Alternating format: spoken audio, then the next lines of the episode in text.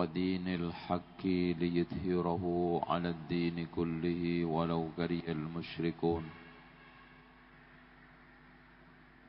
أشهد أن لا إله إلا الله وحده لا شريك له وأن محمدا عبده ورسوله لا نبي بعده. اللهم صل وسلم على محمد وعلى آل محمد كما صليت على إبراهيم وعلى آل إبراهيم إنك حميد مجيد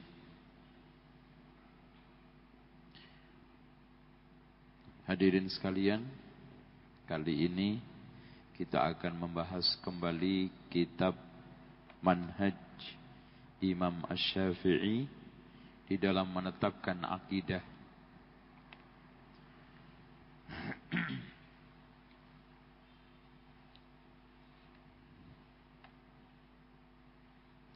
Hadirin sekalian,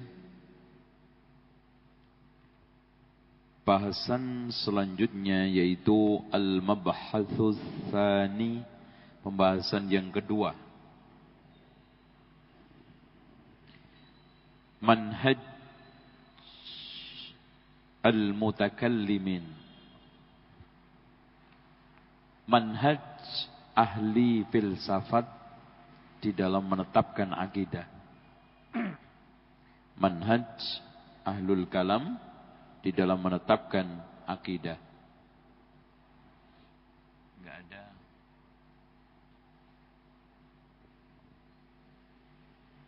Papan tulisnya enggak ada, Pak.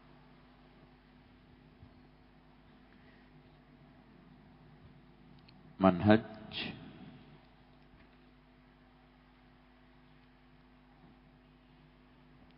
Ahlul Kalam fi isbatil aqidah. Manhaj ahli filsafat di dalam menetapkan akidah ikhwas sekalian tolong diperhatikan. Saya akan menjelaskan tentang ilmu kalam ilmu filsafat ilmu mantek dan asal usulnya.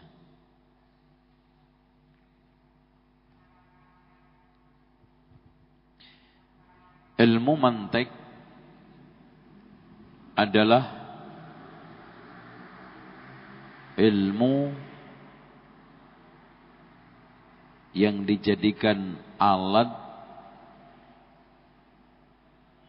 untuk menjaga dan memelihara untuk menjaga dan memelihara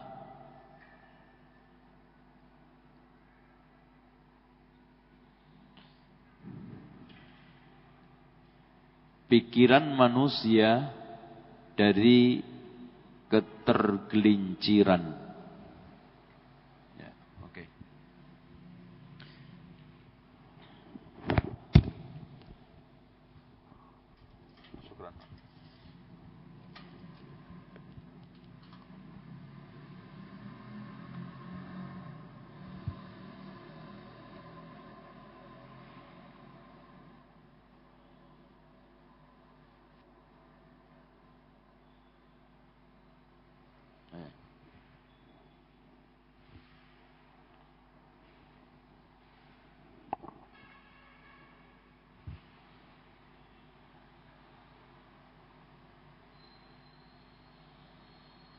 ilmu mantek.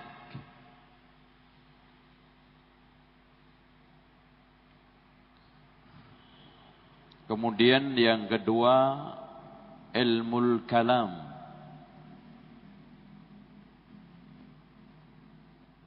Ketiganya ilmu filsafat.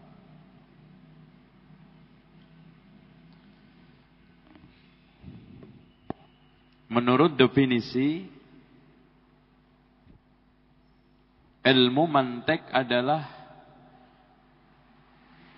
ilmu yang dijadikan alat untuk menjaga pikiran dari ketergelinciran. Berpikir. Titik.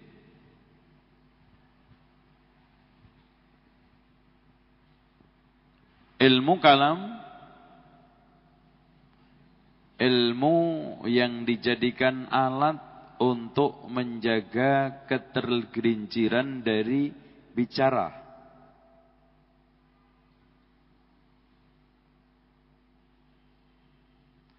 Ilmu filsafat, ilmu yang dijadikan alat untuk menjaga dari ketergelinciran menemukan hakikat sesuatu. Oke. Ilmu ini pertama kali muncul di daerah Yunani Al-Yunan.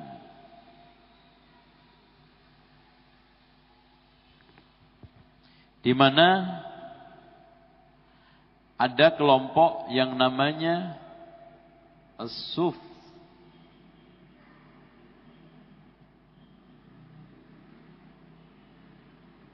Suf Satoi Suf Satoi. Siapa Suf Satoi ini? Kelompok yang melakukan debat dengan dalil apa pun yang penting menang. Ini subsatoi.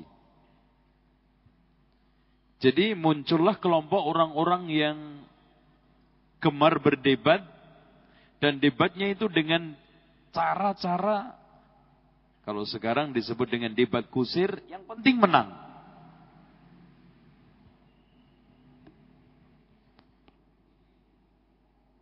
Yang penting menang. Yang benar mana? Tes satu. Tes.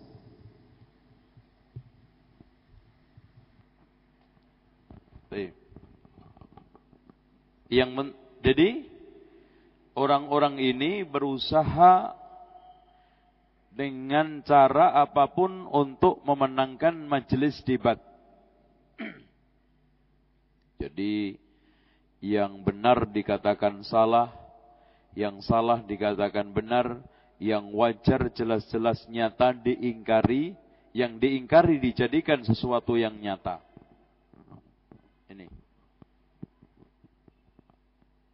Nah,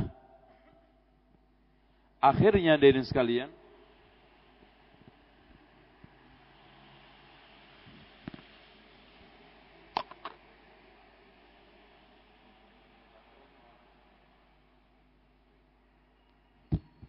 satu.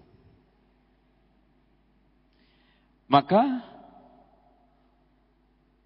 muncullah penjungkir balikan fakta yang sangat dahsyat di dalam alur pemikiran dan juga kaidah-kaidah hidup.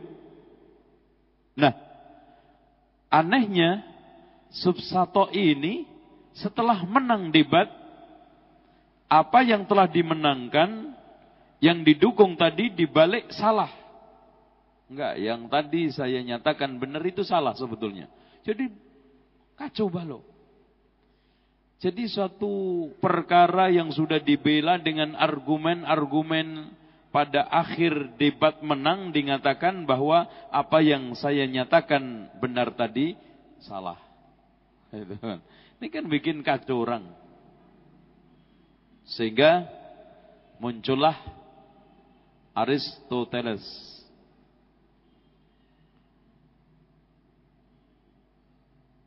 Terus gini mas.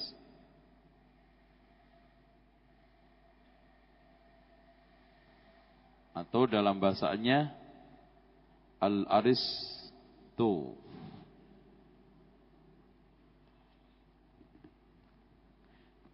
mendudukkan membuat satu kaidah-kaidah baku di dalam berdebat Cara untuk berpikir itu seperti ini loh. Maka muncullah ilmu mantek.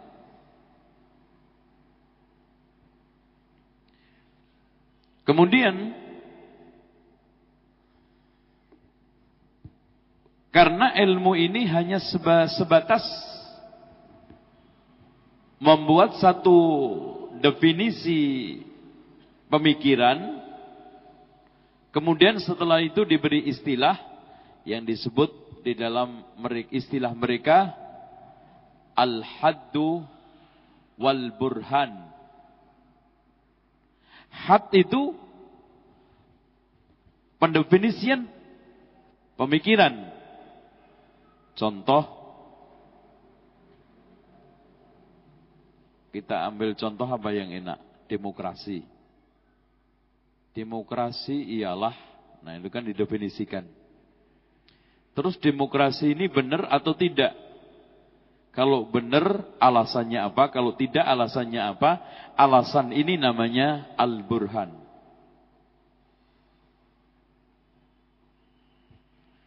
Maka ilmu ini kurang begitu sempurna, maka disempurnakan oleh Sokrates. Sokrat.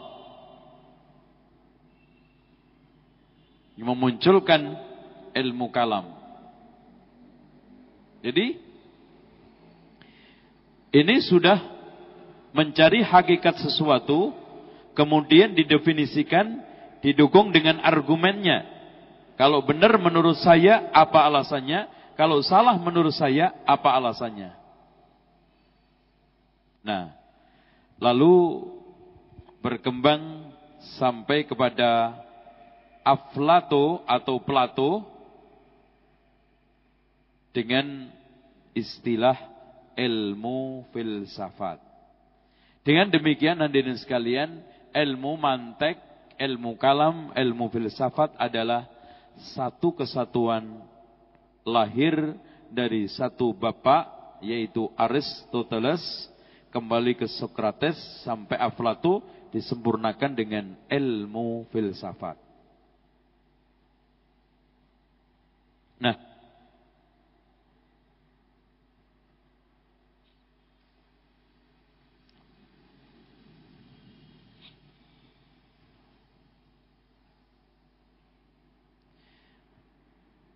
Sekarang bidang garapan ilmu ini semua. Sebetulnya ilmu mantek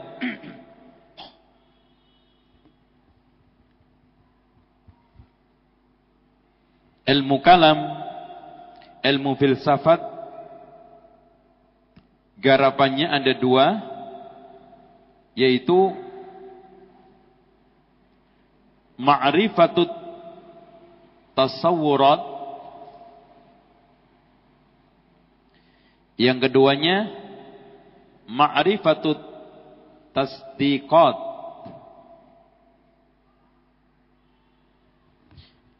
Apa yang dimaksud dengan ma'rifatut tasawurat mengenal tata cara berpikir menemukan masalah. Tasawur umpamanya gini Ketika ada orang dikatakan alam, apa alam? Alam ialah atau manusia. Manusia itu apa, Mas? Tuh. Nah, ini ahli filsafat mulai berpikir. Alam ialah manusia ialah. Setelah ditemukan alam ma siwallah. Ini apa-apa selain Allah itu alam. Setelah didukung dengan berbagai macam argumentasi, diuji dengan berbagai macam argumentasi, maka jadilah kaidah baku masuk kepada tasdikot. Oh, berarti sudah terjadi uji pembuktian bahwa yang dimaksud alam adalah masih wallah tasdiqat. Hadirin sekalian, Sekarang sampai kepada sikap ahli sunnah wal jamaah terhadap ilmu filsafat, ilmu mantek, ilmu kalam. Sebelum saya menjelaskan tentang sikap ahli sunnah wal jamaah, saya ingin menyampaikan awal pertama kali ilmu filsafat ini masuk ke negeri Islam.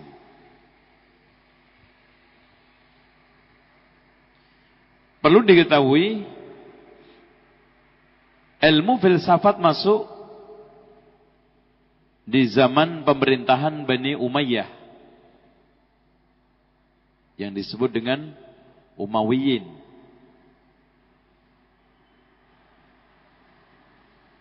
Ini banyak di antara mereka yang beristidlal di antaranya Wasil bin Atta yang berlepas diri dari majlisnya Al Hasanul Basri kemudian membuahkan pemikiran i'tizal mu'tazilah semua ini terjadi karena pengaruh ilmu filsafat ilmu filsafat.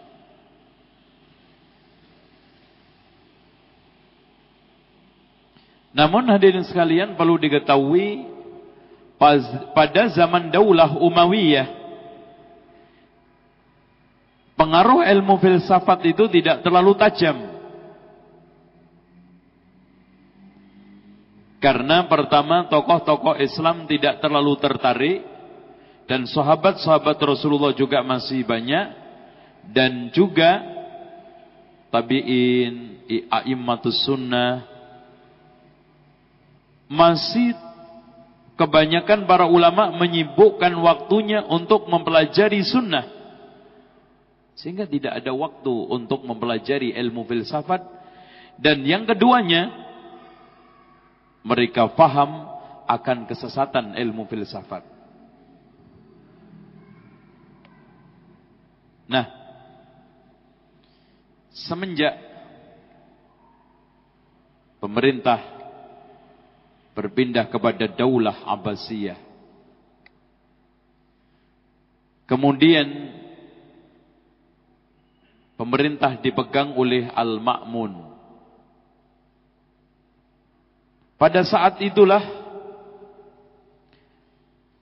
seorang filosof filosof ya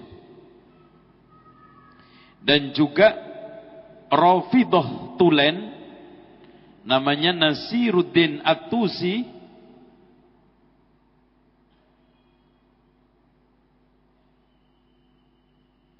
mendirikan perpustakaan yang sampai sekarang masih ada Darul Hikmah.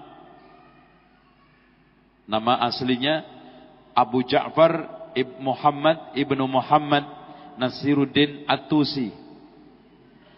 Dia adalah salah seorang penasihat utama Raja Hulaku. Tartar. Yang nanti kalau ada waktu kita jelaskan sejarah buruk dialah orang yang berjasa besar dan memiliki peran besar terhadap terbunuhnya 1.800 ahli sunnah wal jamaah Baghdad, Irak pada saat itu. Nasiruddin At-Tusi. Dia memberikan masukan-masukan banyak kepada Al-Ma'mun untuk menerjemahkan kitab-kitab filsafat sehingga siapa pun yang sanggup menerjemahkan buku filsafat ke dalam bahasa Arab dikasih hadiah emas seberat buku yang diterjemahkan. Yang beratnya sekilo dapat emas sekilo. Dari sinilah dikatakan oleh ulama-ulama ahli sunnah wal jamaah pengaruh pertama kali filsafat masuk ke Islam. Sehingga lahirlah firqah kuat pada saat itu Mu'tazilah yang menyatakan Quran itu makhluk, kemudian memfitnah banyak ulama di antaranya Imam Malik juga terfitnah, Imam Syafi'i juga terfitnah, bahkan yang paling keras adalah Imam Ahmad. Sampai disiksa, di penjara, dicambuk. Yang dikatakan di dalam manaqib Imam Ahmad Ibnu Hanbal siksaan cambukan itu kalau seandainya dikuat untuk nyambuk unta maka untanya akan mati. Dipaksa mereka untuk mengatakan Quran itu makhluk tapi Imam Ahmad tetap tegar mengatakan bahwa Quran kalamullah ghairu makhluqin. Al-Quran kalamullah ghairu makhluqin. nah, kembali lagi tentang bahaya tadi. Orang-orang Persia sendiri mengatakan, orang-orang non-muslim sendiri mengatakan, Fama dakhalat hadhil ulum. Tidaklah ilmu filsafat ini masuk ala daulatin syar'iyah ke negeri Islam illa afsadatha pasti akan merusaknya. Ini orang non muslim sendiri, orang Persia sendiri mengatakan itu. Dengan demikian ikhwan hampir semua imam terutama imam madhab empat mengatakan rusaknya ilmu filsafat. Di antaranya Imam Abu Hanifah yang dinukil dari Abu Yusuf, salah seorang muridnya Imam Abu Hanifah, kalau kalau filsafat itu dikatakan ilmu, ketahuilah bodohnya terhadap ilmu filsafat adalah merupakan ilmu dan mengilmui mengetahui filsafat merupakan satu kebodohan.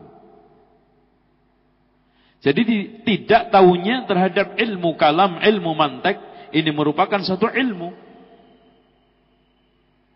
Mempelajarinya awal daripada kebodohan. Karena orang semakin ke dalam, semakin ke dalam ke tengah ilmu filsafat, bukan semakin pinter ngerti terhadap ilmu ad-din, semakin jauh bahkan menolak, memerangi, memusuhi syariat. Nanti kita akan sampaikan dampak-dampak negatif dan kenapa ahli sunnah wal jamaah menolak ilmu kalam, ilmu mantek, ilmu filsafat ini. Adapun Imam Syafi'i tidak kalah kerasnya. Ini juga dinukil di dalam kitab Talbisul Iblis.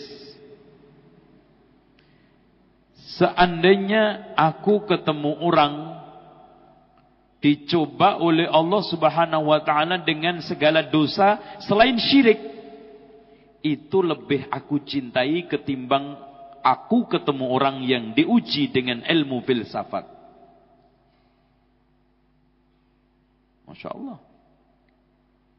Maka dalam ungkapan beliau yang lainnya mengatakan, hukuman saya, kalau saya disuruh mengeluarkan fatwa, katanya Imam Syafi'i, terhadap orang yang terfitnah, terpengaruh dengan ilmu filsafat, dicambuk dengan pelepah kurma, setelah itu diarak keliling kota dan dikatakan inilah akibat yang didapat orang yang terfitnah dengan ilmu filsafat. Sementara Imam Malik tidak kalah kerennya di dalam menolak dan memberikan penilaian negatif terhadap ilmu filsafat kalau seandainya ilmu filsafat ini seperti ilmu-ilmu syariat yang lainnya, maka akan dipelajari oleh sahabat-sahabat Rasulullah sallallahu alaihi wasallam seperti mempelajari Al-Qur'an, hadis, fikih. Akan tetapi itu ilmu kegelapan di atas kegelapan, kebodohan di atas kebodohan dan kesesatan di atas kesesatan.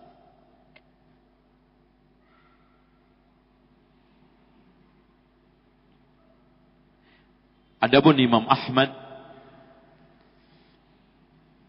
jelas-jelas orang yang paling ya, paling bisa paling kereng, paling tegas terhadap ilmu filsafat karena beliau orang yang terdepan kena imbasnya efek dari ilmu filsafat. Iya kan? Munculnya teori pemikiran Al-Quran adalah makhluk. Dari siapa? Dari orang-orang yang terfitnah dengan ilmu filsafat. Sehingga menyebabkan Imam Ahmad disiksa. Ya ikhwan, mungkin sudah pernah saya sampaikan. Karena apa sih rahasianya? Apa pentingnya membahas Quran itu makhluk atau bukan makhluk? Al-Quran makhluk juga tetap ini ini juga. Ghairu makhluk juga tetap ini ini juga. Ngapain Imam Ahmad disiksa-siksa mau-maunya juga? Mbok yang ngalah lah. Ya ikhwan, inilah orang kalau cetek pemahamannya dan cekak jangkauan akal sehatnya. Imam Ahmad dari kedalaman pemahamannya, ketinggian ilmunya, paham. Al-Quran, kalau dikatakan makhluk,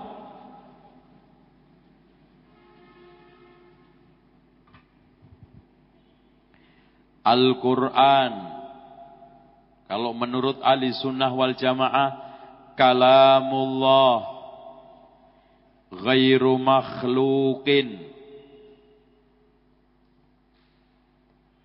Kalau menurut firqah ad-dalalah Al-Quran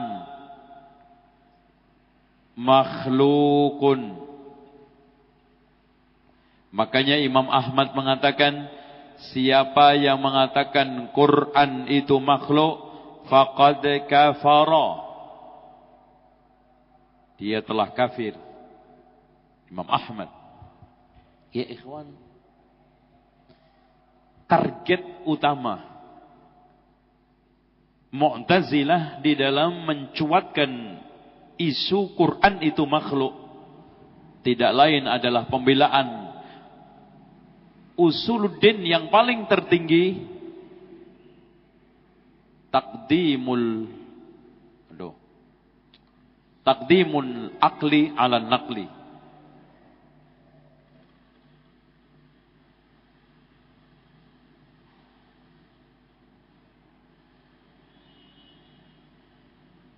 mendahulukan akal di atas nas. Kalau seandainya ada anggapan adanya pertentangan antara akal dengan nakal. Mereka selalu kebentok dengan hujah-hujah adi sunnah wal jamaah karena akal itu makhluk. Kebenarannya relatif bisa salah. Maka nggak mungkin dong mengalahkan nakal yang statusnya adalah kebenaran final, wahyu tidak pernah salah, maksum terjaga dari ketergelinciran. Tak bisa. Akhirnya ini nakal, ini Quran dimakhlukkan dulu. Nah, itu. Dimakhlukkan. Kalau sudah makhluk dan ini berhasil lempeng, umat menerima Udah, akal makhluk juga, Quran juga makhluk. Loh, apa lebihnya untuk saling tolak menolak? Kalau ini saya dulukan dengan ini, apa masalahnya? Wong sama-sama makhluknya kok. Dari sini mas. Ini istilah ngantem muka lewat tembok. Nih. Tok kena muka lo. Nah gitu. Kalau seandainya target ini sukses, maka ahli sunnah wal jamaah akan kehilangan hujah yang kuat untuk menerima teori ini. Kalau ada satu akal yang dianggap bertentangan dengan nakal yaitu wahyu, maka kita dahulukan akal, kita tinggalkan wahyu. Dia terbantah. Nggak bisa. Akal itu kan kebenarannya relatif. Bisa salah. Ya kan? Dan terbatas pemahamannya. Serta berbeda-beda akalnya SD dengan profesor beda. Sementara wahyu Quran itu kebenarannya final, mutlak, maksum dan sakral tidak bisa diutak-atik. Oh, kalau begitu kita lewat pintu lain. Quran makhluk. Udah. Oh, kalau memang makhluk, iya ya. Ini makhluk, ini makhluk. Sama-sama pemberian Allah kok. Akal ini kan juga karunia Allah. Barangkali jangan-jangan lebih benar akal daripada nakal. Lebih benar akal daripada wahyu. Wong sama-sama makhluknya. Dengan demikian Imam Ahmad faham mas akan kenyataan ini sehingga rela badannya remuk disiksa, dicambuk untuk mempertahankan. Kan dua kalimat nih mas, Quran, makhluk. Cuma dua kalimat. Imam Ahmad pindah aja. Quran kalamu ghairu makhluk. Kan tinggal ngapus ini tok. Kecil. Nah jadi udah Quran makhluk. Beda satu kalimat. Inilah ikhwan. Kalau kalimat mengandung konsekuensi akidah biarpun satu huruf nggak bisa. Makanya kenapa kita tidak boleh mengucapkan selamat Natal umpamanya. Walaupun kalimat ini cuma dua. Selamat Natal. Itu? Wah cuma dua kalimat aja kok. Ikhwan, kalimat selamat Natal itu tidak seperti saya pulang kampung. Sama nggak konsekuensinya? Kalau saya pulang kampung lo nyampe nggak nyampe kampung terserah mau nyungsep di jalan kan gitu. Selamat Natal artinya lo nyungsep di akhirat. Konsekuensi. Itulah. Dengan demikian di sini kalimat kalau mengandung konsekuensi akidah, ad-din, maka menjadi bobotnya lain. Seperti yang dinyatakan oleh Imam Ahmad Al-Quran kalamullah ghairu makhlukin. Bahkan ikhwan, Imam Ahmad kalau siapa saja yang mengatakan Quran kalamullah titik. nggak cukup katanya dia. Karena dia masih tertuduh waqifi. Siapa waqifi?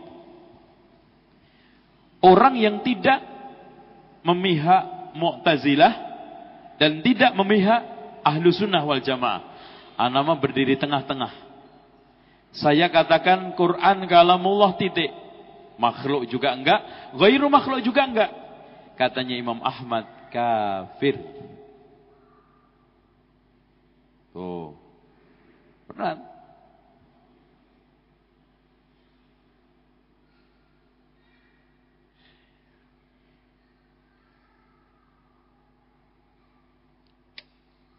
Jam berapa mas? Minum, silahkan diminum mas. Nggak ada minum.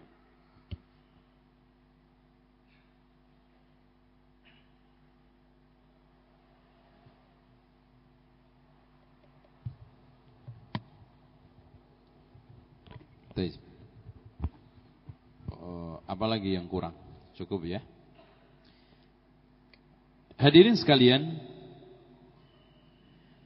setelah itu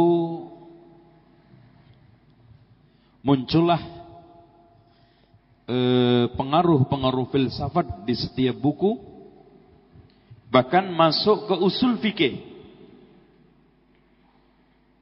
Dan yang paling buku paling banyak kemasukan pengaruh filsafat ini adalah usul fikih.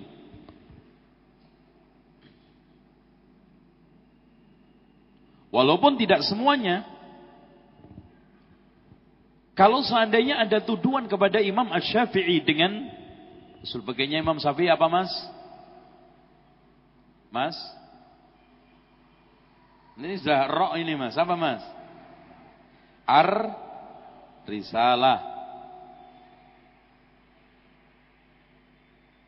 Ada sebagian orang yang menuduh Imam Syafi'i di dalam menulis kitab Ar-Risalah terpengaruh dengan ilmu filsafat. Kaidah-kaidah yang dibuat. Apalagi di sana ada riwayat saya mengetahui ilmu ilmu filsafat seperti yang diketahui oleh Aristoteles, Socrates dan yang lainnya. Setelah diteliti sanatnya, di dalam sanatnya ada seorang yang kadzab. Ya, kadzab. Ya. Dengan demikian pernyataan Imam Syafi'i bahwa saya mengetahui ilmu filsafat seperti yang diketahui oleh Socrates, Aristoteles adalah bohong. Bahkan kalau kita lihat dari pernyataan dia yang sahih tadi, kebencian, ketegasan dia terhadap ilmu kalam, ilmu mantek, tidak mungkin Imam Syafi'i memasukkan di dalam ar-risalahnya dan tidak ada satupun kalau kita baca dari mulai awal sampai akhir yang menandai, menengarai bahwa ilmu filsafat masuk ke kitabnya Imam Ash-Syafi'i. Bisa dibaca, sudah dicetak. Namun, buku-buku yang terpengaruh dan paling tinggi pengaruhnya adalah Al-Mustasfa karangan Al-Ghazali. Abu Hamid Al-Ghazali. Bahkan di dalam mukaddimahnya dia mengatakan siapa pun yang punya ilmu tidak dibumbuin, dikuatkan dengan ilmu mantek, ilmu yang dia peroleh tidak dipercaya. Jadi pokoknya orang kalau punya ilmu nggak tahu ilmu mantek, udahlah nyampaikan ilmu saja jangan ilmu apa saja jangan dipercaya. Ini disebutkan oleh beliau di dalam muqaddimah Al-Mustasfa. Mustasfa. Dan ikhwah sekalian, pembela utama ilmu filsafat di dunia Islam ketika itu setelah pasca ini generasi Wasil bin Atta, generasi Al-Jubai dan yang lainnya adalah Abu Hamid Al-Ghazali. Namun orang-orang yang selama ini menggemari Abu Hamid Al-Ghazali dan mendukung ilmu-ilmu Abu Hamid Al-Ghazali tidak mau atau kurang mau atau merem dari tobatnya Imam Al-Ghazali terhadap filsafat dengan mengarang kitab Tahafutul Falasifah. Bahkan disebutkan di dalam satu riwayat di akhir hayatnya dia menyibukkan dengan Bukhari Muslim. Tetapi sudah mulai hampir meninggal dunia, akal pun sudah sudah mulai begitu ngadat, tidak seperti zaman muda dulu, sehingga dia hanya menangis setiap hari. Kalau seandainya umur-umurku aku habiskan untuk mempelajari Sahih Bukhari dan Muslim, mensyarahi Sahih Bukhari dan Muslim akan manfaat lebih besar ke umat ini. Faktanya siapa? Ibnu Hajar Al Asqalani. Masya Allah. Sehingga dia mengatakan pernyataan yang penuh dengan penyesalan dan kesedihan seumur hidup nggak nggak bisa ditebus kecuali dengan taubat. Sesungguhnya aku berlana berkelana mencari kebenaran. Tidak aku dapat kecuali ada di dalam Al-Quran. Persis seperti unta kehausan mati. Sementara air ada di punggungnya. Iya, nggak bisa minum. Karena nggak dipelajari. Cukup aneh. Mencari kebenaran dari kitab-kitab orang-orang kafir dan yang lainnya. Dari sono sini kebenaran yang dicari sebetulnya ada di dalam Al-Quran ditinggalkan. Sehingga Fakhrul Razi yang termasuk bapak filsafat Islam tobat dengan menulis satu syair bait syair yang begitu indah. Nihayatul ukuli iqalu. Kebanyakan akhir perjalanan akal itu adalah ikel. Ikel itu tempat untuk mengikat surban orang Arab itu loh mas bulat, mudeng, nggak nggak kena, nggak dapat apa-apa. wantaha sa'yu aktsaril alamina dhalalu dan kebanyakan akhir dari perjalanan mereka-mereka yang berusaha mempelajari filsafat adalah kesesatan. Ini Fakhrul Razi. Loh, kalau orang otaknya udah canggih-canggih, hebat-hebat aja tobat dari filsafat, apalagi keceng-keceng begini, udahlah. Abu Hamid Al-Ghazali, Masya Allah Pak, otaknya. Sampai dikatakan hujjatul Islam, tidaklah debat kecuali menang. Saking hebatnya. Abu lagi Fakhrul Razi. Kata sebagian orang yang dekat dengan dia. Kalau seandainya dia mengatakan batu itu emas, orang akan percaya. Dengan hujah-hujah yang dia berikan. Ini batu padahal. Enggak, sebetulnya emas. Wow, dijelaskan dengan ini. Oh iya, ternyata emas ini. Udah kita ambil aja, kita jual. Saking ibadnya. Itu pun tobat. Ya ikhwan, apalagi yang keceng-keceng begini. Ya aduh, S2 IAIN, kasihan. Pelajari filsafat, tengah-tengah filsafat. Enggak. Ya gendeng enggak kan akhirnya setengah gendeng. Makanya ikhwan katanya Imam Ibnu Taimiyah. Tidaklah yang rusak dunia akhirat kecuali orang empat. Setengah ahli filsafat ngerusak agama. Kalau ahli beneran mas, tahu rusaknya filsafat. Tobat, oh iya. Bagus.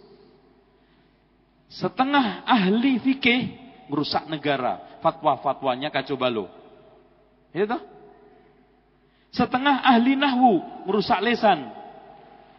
Doroba Zaidun kalbun. Nah ini yang dipukul siapa? Yang kepul siapa? Kok semuanya doroba Zaidun kalbun? Itu kan? Itu kan gitu. Harusnya kan doroba Zaidun kalban atau doroba kalbun Zaidan kan gitu. Mana yang memukul dan dipukul. Kemudian yang terakhir ahli filsafat, ahli apa tadi? Ahli nahwu. Aduh, satu lagi. Ahli fikih, terus? Ahli tabib, ahli kedokteran, lupa saya. Merusak badan. Kalau orang setengah-setengah tabib, itu ngaco. Bekam malah bocor. Coba bayangkan. Duh, kok gak bisa mampet ini darahnya? Ya setengah-setengah merusak badan. Jadi ahli fil, setengah ahli filsafat merusak agama, setengah ahli fikih merusak negara, setengah ahli nahwu merusak lisan, setengah ahli dokter merusak badan. Mas, tinggal apa dunia ini? Negara rusak, agama rusak, badan rusak, lisan rusak, hancur. Dihancurin orang empat ini. Nah, ini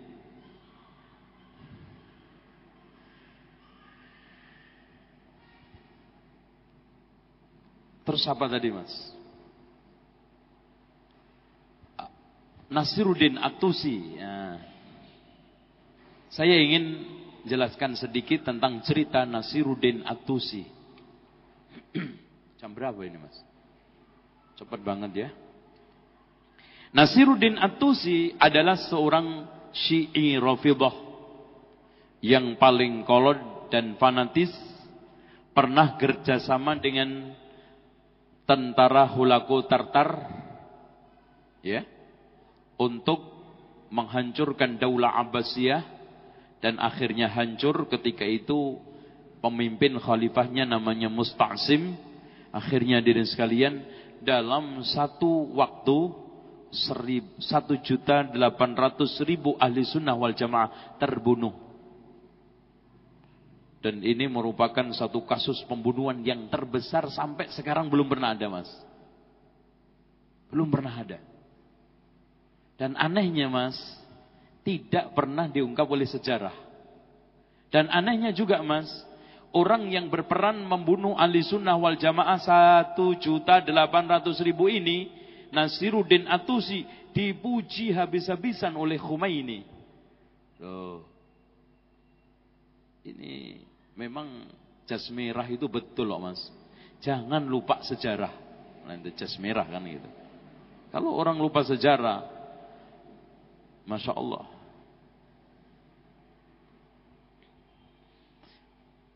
Sekarang yang terakhir tentang masalah usul fikih juga sudah ini. Jadi kalau ada pengaruh-pengaruh usul fikih eh, terdampak-dampaknya terhadap hukum Islam yang awalnya pengaruh dari filsafat itu bisa saja ada satu kaidah-kaidah yang dibuat oleh ulama dasarnya murni ilmu mantek, ilmu filsafat. Hadirin sekalian, sekarang sebab-sebab kaum muslimin menolak ilmu filsafat. Ya ikhwan, tolong antum camkan dengan baik. Ahli sunnah wal jamaah menolak ilmu filsafat bukan karena ilmu itu produk orang kafir. Tidak. Jangan salah. Kalau memang bagus. Ada ilmu otomotif. Ada ilmu kedokteran. Ada ilmu apa lagi mas? Kita ambil. Kaum muslimin, terutama ahli sunnah wal jamaah, menolak ilmu filsafat karena sebab-sebab faktor dua. Yang pertama al-asbabus syar'iyyah, sebab-sebab syar'i. Dan yang kedua, sebab-sebab akli, logika. Yang pertama, sebab-sebab syar'i satu Ilmu ini tidak pernah dipelajari oleh as-sadrul awal generasi pertama sahabat tabi'in. Yang mereka sudah dinyatakan oleh Allah as-sabiqun al-awwalun minal muhajirin wal ansar walladzina ittaba'uuhum bi ihsanin radhiyallahu anhum wa radu'an. Dan juga telah dinyatakan oleh Rasulullah khairun nasi qarni thumma alladhina yalunahum thumma alladhina yalunahum. Mereka dinobatkan oleh Allah sebagai generasi yang terbaik dinobatkan oleh Rasul sebagai generasi terbaik tanpa filsafat. Tolong camkan ikhwan generasi Abu Bakar, Umar, Utsman, Ali, Abdullah ibnu Mas'ud, Abdullah ibnu Abbas dinyatakan sebagai generasi terbaik khairun nas tanpa belajar filsafat. Kalau memang seperti itu, kita tidak membutuhkan sama sekali filsafat untuk menjadi orang baik. Seperti Rasul, seperti sahabat. Ya gampangnya gini loh mas, untuk masuk surga nggak butuh filsafat. Udah, itu. Yang kedua. Yang kedua. Mantek ilmu kalam, ilmu filsafat lahir di satu lingkungan yang syirik anti Tuhan. Ini mas. Jadi satu ilmu yang akarnya tumbuh di satu lingkungan anti Islam, anti tauhid, kental syiriknya, anti Tuhan. Kayak apa mas? Dan tolong dicamkan, akidah, manhaj akan mempengaruhi orang cara berpola tingkah, cara berpikir. Makanya mas, pola pikir seseorang, pola tingkah laku seseorang ditetapkan oleh prinsip dia.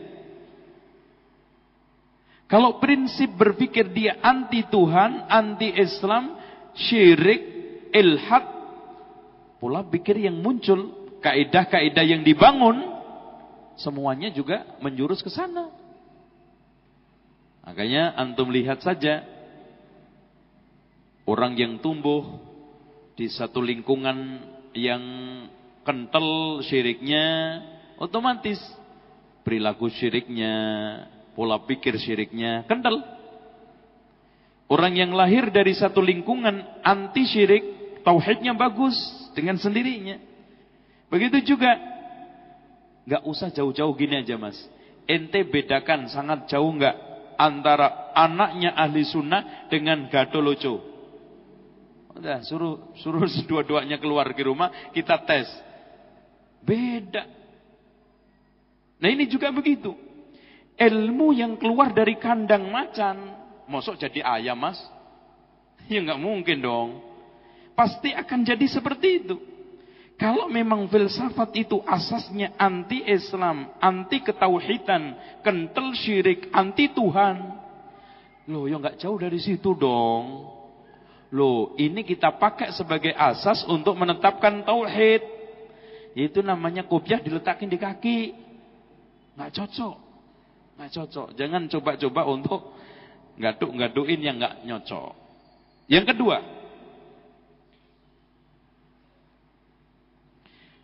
Eh, sebelum saya masuk kedua, makanya Abul Qasim As-Suhaili mengatakan, Na'udzubillahi min kiyasin falsafi wa, khayalin sufi.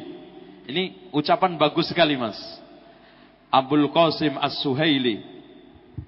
Na'udzubillah min kiyasin falsafi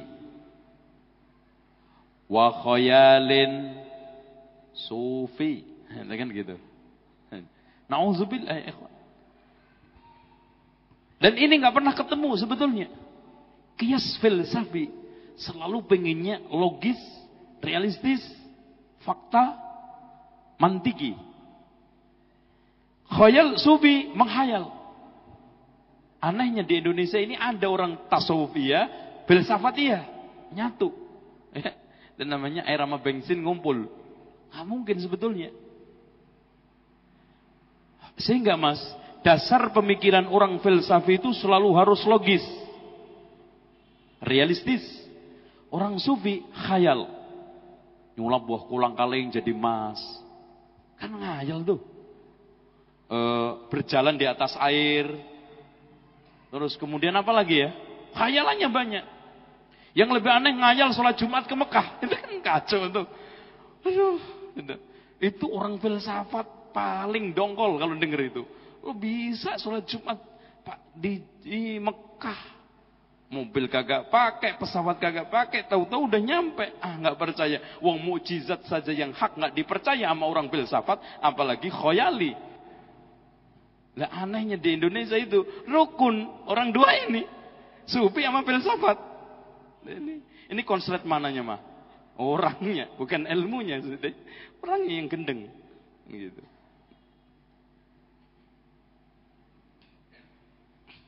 Nomor, waduh. Nomor tiga. Kita tolak ilmu filsafat, ilmu mantek. Karena kita takut orang muslim tertipu, terkecoh karena adanya satu kebenaran menjenalis, menjenala, aduh, mengeneralisir kebenaran semua filsafat. Mungkin saja mas, satu sisi-sisi kaidah filsafat ada benernya. Tapi bisa digunakan generalisir. Semua kalau memang begitu bagus. Coba mas bayangkan kan logis banget itu. Nah akhirnya diterimalah semua. Padahal cuman kebetulan betul. Ya, namanya kebetulan betul itu kan cuma apa? Nasib-nasiban. Nah, nomor empat kita percepat. Uh, nomor empat. Makanya sebelum empat, Syekhul Islam Ibn Taimiyah mengatakan, dulu sebelum saya pelajari dengan detail ilmu filsafat, ilmu mantek, saya menyangka juga adanya kebenaran-kebenaran yang sangat banyak. Setelah saya teliti satu persatu, tidak ada satu kebenaran kecuali sangat sedikit dan itu ada di Islam dan kebanyakannya adalah batil. Yang nomor empat.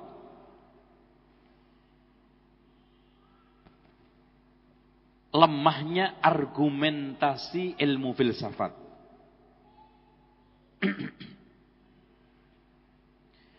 Contoh saja, Kadang-kadang dia membuat satu argumen-argumen yang masuk ke Islam. Contoh aja mas. Boleh fatwa masuk ke fikih. Sehingga ada orang yang mengeluarkan fikih pengaruhnya logika akal murni. nggak tanpa dalil.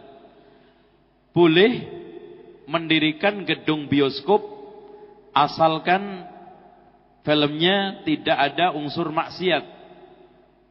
Kedua, tidak memicu sadistik. Tiga, tidak melalaikan dikir kepada Allah. Empat, tidak ikhtilat. Apa ya laku? Dan apa ada film yang seperti itu? Mungkin ada ngelihat VCD sifat sholat Nabi. Itu, itu nggak ada ikhtilat. Ini jelas-jelas hadirin sekalian pakai logika filsafat. Yang penting kalau ada mukaddimah seperti ini, akhirnya begini, hukumnya seperti ini. Yang penting tidak seperti ini. Tapi realisasinya ada enggak? Itu namanya nyuruh orang, mas silahkan renang tapi jangan basah. Ayo podo sama itu. Tidak benar. Dengan demikian syarat-syarat seperti ini syarat khoyali, menghayal. Lima.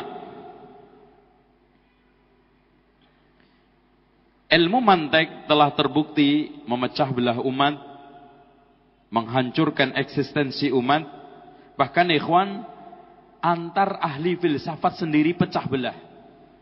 Bukan berbeda di dalam masalah-masalah furuk, dalam masalah-masalah yang badahiyat, yang jelas saja mereka berbeda.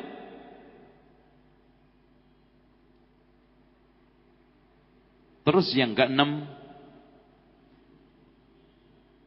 kenapa kita menolak ilmu filsafat, ilmu kalam, ilmu mantek?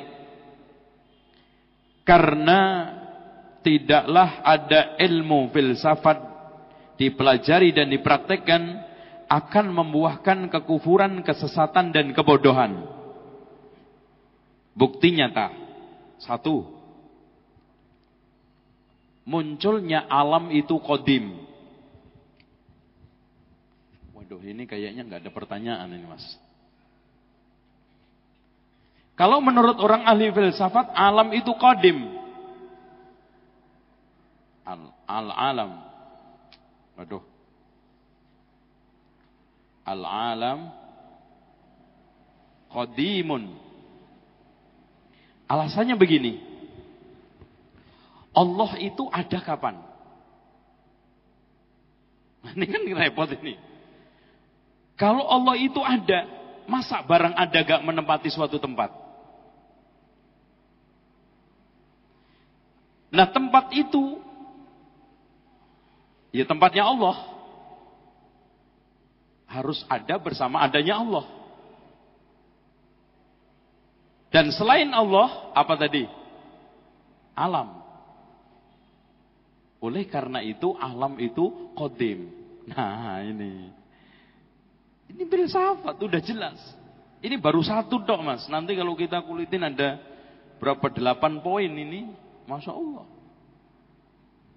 Karena Makanya nanti dia mengingkari Allah itu semayam. Kalau semayam itu berarti menempati suatu tempat. Kalau nempati berarti butuh. Seperti saya duduk di kursi. Ketika kursinya ditarik gimana? Ya jatuh. Gitu kan gitu. Ini filsafat. Dengan demikian Allah Ar-Rahmanu 'alal arsistawa tidak artinya Allah bersemayam tapi Allah menguasai aras. Oh, itu takwil larinya. Padahal logika dia juga bisa dibantah dengan logika, Pak. Kalau atas selalu butuh di, dengan bawah, eh, ya atas butuh dengan bawah, enggak selalu. Contoh, langit di atas apa mas? Mat? Langit ini di atas apa? Bumi. Apa langit butuh sama bumi? Enggak itu. Lampu di atas meja. Apa lampu butuh meja? Enggak. Tidak selamanya yang di atas butuh dengan yang di bawah. Oleh karena itu Ar-Rahmanu 'alal arsistawa, Allah bersemayam di atas aras dan semayamnya kita tidak tahu kaifiyah, kaif semayamnya Allah Subhanahu wa taala. Begitu juga ketika Allah wujud, wujudnya Allah tidak ya saya katakan Kalau yang dikatakan tempat seperti yang kita tempati jelas.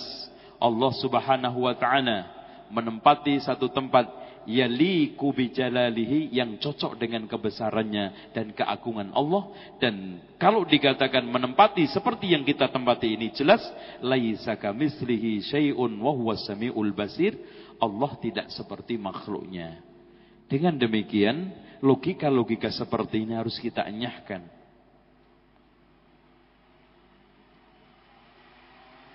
Ada lagi sebelum aras diciptakan Allah di mana? Ini sampai di situ mas. Makanya katanya Ibnu Taimiyah kesesatan yang paling parah orang filsafat adalah di dalam bidang ilahiyah mencari ketuhanan. Bahkan lebih tersesat ketimbang orang Nasrani. Dan tolong dicamkan mas, orang Nasrani menjadikan Yesus sebagai Tuhan. Awalnya juga pengaruh filsafat ke Kristen. Karena begini, kalau Allah Isa itu diciptakan tanpa bapak. Loh, bapaknya siapa lagi kalau enggak Allah? Nah, ketika Yesus ini kalau begitu siapa? Tuhan setengah manusia. Nah, ketika ditanya, ketika makan, ketika buang hajat, siapa dia? Masuk Tuhan makan. Oh, ini mulai bingung kacau balau. Ketika tidur, Tuhannya ke mana? Padahal Allah la ta'khudhu sinatun wala naum. Sehingga ikhwan sekalian kalau kita kejar masalah ilahiyah di, di agama Nasrani pun sangat keteteran. Karena dibangun di atas asas yang sama. Dengan demikian kita akan tegaskan di sini tidaklah ada ilmu filsafat masuk ke bidang bidang ketuhanan pasti akan kacau balau hasilnya. Sehingga nanti Mas dikatakan yang makhluk itu kholik, yang kholik itu makhluk, yang sone itu masnu, yang masnu itu sone. Yang menciptakan ya diciptakan. Sehingga wahdatul wujud itu akhirnya saya ini Tuhan. Bingung dicari-cari ini Tuhan sebetulnya mana sih? Makanya ulil absor itu mengatakan La ilaha illallah tidak ada Tuhan kecuali kebenaran dengan gitu. La ilaha illallah. Siapa ilah? Al-Haq.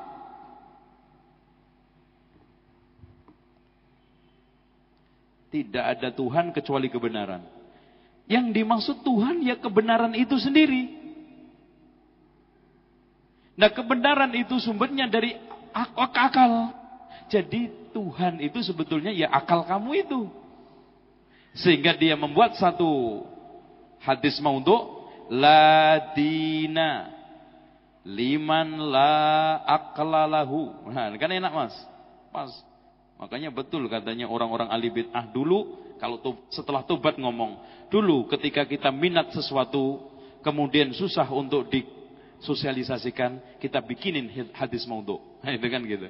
Jadi pokoknya bikin sesuatu, wah ini nih bikin hadis maudhu. Bikin sesuatu, bikin hadis maudhu. Ini. La dina liman la aklalahu. Tidak ada agama bagi orang yang tidak menggunakan akalnya. Maudhu bahkan diletakkan oleh Syekh Nasruddin Al-Albani dalam hadis silsilah dhaifnya nomor satu. Untuk baca nomor satu hadis ini. Itu ya. Nomor one. Terus kemudian Akal diri manusia itu berarti Tuhan. Didukung dengan hadis satunya lagi. Man arofa nafsahu. Arofa robbahu. Ini sama mas. Ini adik kakak ini. Man arofa nafsahu. Arofa robbahu. Siapa yang tahu dirinya. Berarti setelah dipikir-pikir ya Tuhannya itu dirinya. Man arofa nafsahu arafa annahu rabbahu. Itu loh artinya. Man arafa nafsahu. Siapa yang mengenali dirinya, ternyata setelah dikenali, annahu sesungguhnya dia adalah rabbahu, Tuhannya. Maka tidaklah aneh kalau Ibnu Arabi mengatakan, Fir'aun orang yang paling tinggi tauhidnya. Yang sudah sanggup mengatakan, Ana rabbukumul a'la. Akulah Tuhanmu yang paling tertinggi. Udah kalau ente ikut gini apa nggak bablas agama ente? Loh, di sini loh bahayanya filsafat. Kita nolak filsafat itu bukan karena itu ilmunya orang kafir, kagak boleh dipakai. Itu mah kujah orang ini, orang e, kampungan. Tidak. Karena ini mas rentetannya. Coba. La dina liman la aklalahu. Man arafa nafsahu arafa rabbahu. Siapa yang mengenali dirinya, mengenali Tuhannya, dipikir-pikir. Iya ya. La ilaha illallah tidak ada Tuhan kecuali kebenaran. Artinya sebetulnya Tuhan adalah kebenaran itu sendiri. Siapa yang nyari Tuhan, carilah kebenaran itu sendiri. Dan untuk mencari kebenaran dengan akal. Dan kalau bertentangan dengan wahyu kita dahulukan akal. Berarti kebenaran itu adalah akal. Dan kebenaran akal itu qat'i final tidak bisa diganggu gugat. Dengan demikian Tuhan saya ya ini. Nah, dibikin hadis supaya kuat. La dina liman la aklalahu.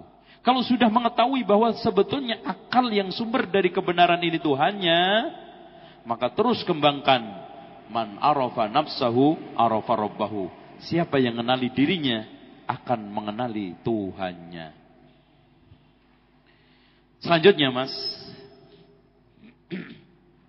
dia akan ingkar ilmu Allah. Ahli filsafat akan ingkar ilmu Allah.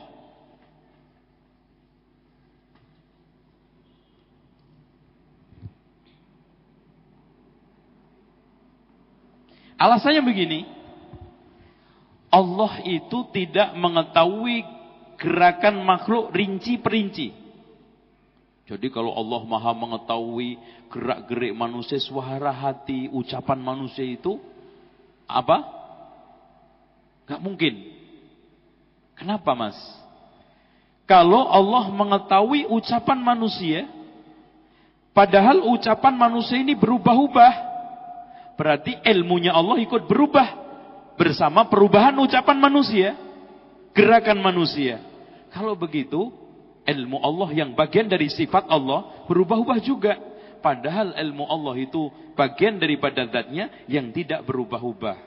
Kalau berubah-ubah berarti tidak kodim, tapi hadis. Padahal zat Allah itu tidak hadis. Dia ingkari. Dengan demikian, Allah itu tidak mengetahui secara rinci perbuatan manusia, ucapan manusia, tingkah pola manusia. Ini persis nanti akhirnya lari-larinya adalah qadariyah. Bahaya. Ini cukup. Sekarang saya akhiri dengan ucapan Ibnu Taimiyah seputar masalah uh, sebetulnya masih banyak mas orang-orang ahli filsafat juga mengingkari kenabian, tidak percaya terhadap nabi karena yang namanya ilmu itu harus kita lihat langsung. Siapa yang tidak melihat secara langsung maka bukan ilmu. Maka barang siapa yang sekarang ini mempercayai agama Islam bahwa Nabi Muhammad sholat seperti ini, ini, ini kita terus sholat. Mereka tanya, apa ente langsung lihat Rasulullah sholat? Itu pasti pertanyaannya seperti itu. Sampai sekarang ditiru oleh mereka. Ketika kita katakan, Sallu kama muni usolli. Solatlah seperti engkau melihat aku solat. Apa ente pernah melihat Rasulullah solat? Itu tanyanya. Ini pengaruh ilmu filsafat. Ya ikhwan kalau namanya ilmu itu bu, harus melihat betapa banyak orang tidak bisa mendapatkan ilmu. Ilmu itu kan bisanat bukan bilihat. Bisanat. Yang penting sanatnya soheh itu ilmu. Kalau bil penglihatan ya banyak. Sekarang udah orang cerita ngalor ngidul Ka'bah begini-begini. Ah, Ka'bah kagak percaya. Sebelum saya ngelihat sendiri. Kan bodoh-bodohan ini. Nah, ini jelas mengingkari sesuatu yang badahiyat. Terus ingkar terhadap hadis mutawatir juga, Mas. Karena mutawatir itu kan menurut kamu, menurut saya mah enggak mutawatir, gitu. Itu nanti dia ke sono. Itu. Wong saya juga nggak pernah melihat, nggak pernah tahu kok. Dengan demikian ikhwan, kacau balulah pemikiran orang-orang ahli filsafat. Dan tolong secara akliyat, akal logika. ilmu filsafat itu juga cenderung murni ilmu khayal. Tak pernah ada realisa, realitasnya. Menghayal. Makanya ikhwah sekalian rata-rata orang ahli filsafat itu pada botak. Sampai ngelupas. Teorinya banyak tapi prakteknya nggak ada. Ilmu itu hanya untuk di, di apa? didiskusikan, didebatkan. Makanya orang yang paling sedikit pengamalannya, paling banyak teorinya itu orang ilmu filsafat. Orang ahli filsafat. Paling sedikit prakteknya. Tapi paling kenceng debatnya. Wow, kalau debat, seminar, diskusi, dis, e, bisa dua jam, empat jam. Seminar dua hari. Kemudian yang kedua, kalau ada orang bilang, orang hebat-hebat itu tokoh-tokoh Islam yang menemukan ini, menemukan itu, ilmu-ilmu macam-macam, dari mulai ilmu matematika, ilmu perbintangan, itu semuanya ahli filsafat. Bohong. Katanya Syekhul Islam Ibn Taimiyah, "Innana la najidu ahadan min ahlil ardi." Saya tidak pernah menemukan seorang pun di muka bumi ini. Haqqaqa ilman minal ulum. Yang memiliki ilmu hebat. Wasara imaman fi bifadlil mantiq. Sehingga menjadi panutan dalam satu ilmu. Bekat karunia ilmu mantek itu enggak ada. Enggak ada satupun pakar hebat di muka bumi ini hebat karena berkat ilmu filsafat ilmu mantek kalau seandainya ada dia itu sudah ahli sebelum mempelajari ilmu filsafat kayak siapa Kayak Abu Hamid Al-Ghazali. Itu hebat sebelum mempelajari ilmu filsafat. Ya, terus siapa lagi? Uh, Fakhrul Razi. Dan yang lainnya. Itu hebat. Akhirnya tobat lagi kan. Itu. La minal ulumid diniyah. Enggak hebat dalam masalah ilmu agama juga enggak. Wal atibba. Dokter pakar-pakar ilmu medis. Wal muhandisun. Ilmu arsitek. Wa gairuhum dan yang lainnya yuhaqqiqu nama yuhaqqina min ulumihim. Mereka mampu merealisasikan merealisasikan ilmu-ilmu yang hebat bi ghairi sina'atil mantek tanpa bantuan sedikit pun ilmu filsafat. Tolong, waqad sannafa fil islami uluman nahwu. Banyak orang yang ngarang ilmu nahwu, ilmu sorof, ilmu arud, ilmu fikih, usul fikih, ilmu macam-macam tanpa bantuan juga sedikit pun dari ilmu filsafat. Fi a'immati yaltafit ilal mantiq. Dan pakar-pakar ilmu apa pun di dunia Islam ini, enggak ada satupun yang mengembalikan merujukkan ilmunya kepada ilmu mantik. Bal ammatuhum bahkan kebanyakan mereka kanu qabla ayya'rifal mantik ayyunani. Bahkan mereka hebat semuanya sebelum kenal ilmu filsafat mantik. Zunani. Tamat. Dengan demikian antum sudah mengetahui alasan pasnya kenapa ilmu filsafat itu ditolak, ilmu mantek tidak ada di dalam Islam, ilmu kalam tidak diakui karena sebab-sebab di atas. Mudah-mudahan antum faham dan antum jangan hanya sekedar membuat satu statement-statement yang tidak argumentatif. Kita telah berusaha sampai dada saya sesak, otot juga sampai kenceng untuk membuat satu argumentasi-argumentasi yang syar'i dan logis untuk menjelaskan tentang ilmu filsafat. Kenapa dicela oleh Imam Abu Hanifah, Imam Syafi'i, Imam Malik, Imam Ahmad. Bahkan semua imam sunnah mencelanya. Alasannya sudah saya jelaskan tadi. Demikian waktu sholat maghrib. Jam berapa mas? Lebih sepuluh. Ya, cukuplah. Tinggal tiga menit. Mudah-mudahan kita berjumpa kembali di lain kesempatan. Saya ingatkan, besok ada bedah buku di Masjid Al-Jihad Keranggan. Judulnya Kelemahan kaum muslimin di depan musuh-musuhnya. Ini kitab kecil karangan Syekh Abdul Aziz Ibnu Bas rahimahullahu taala yang sangat-sangat bagus. Kutaib tapi Masya Allah. Makanya eh, silahkan antum datang juga. Dan tolong kantongnya tetap tolong dilirik, dilihat, dipegang. Masukin apa saja, yang penting duit. Tadi udah beredar. Dan insya Allah saya nanti mungkin pamit antum di bulan Maret. Di bulan Maret itu mungkin dua kali pertemuan e, libur nanti kita carikan pembantunya, penggantinya. Karena saya sudah lama pengen ke Aceh, tapi nggak keturut-turutan insya Allah.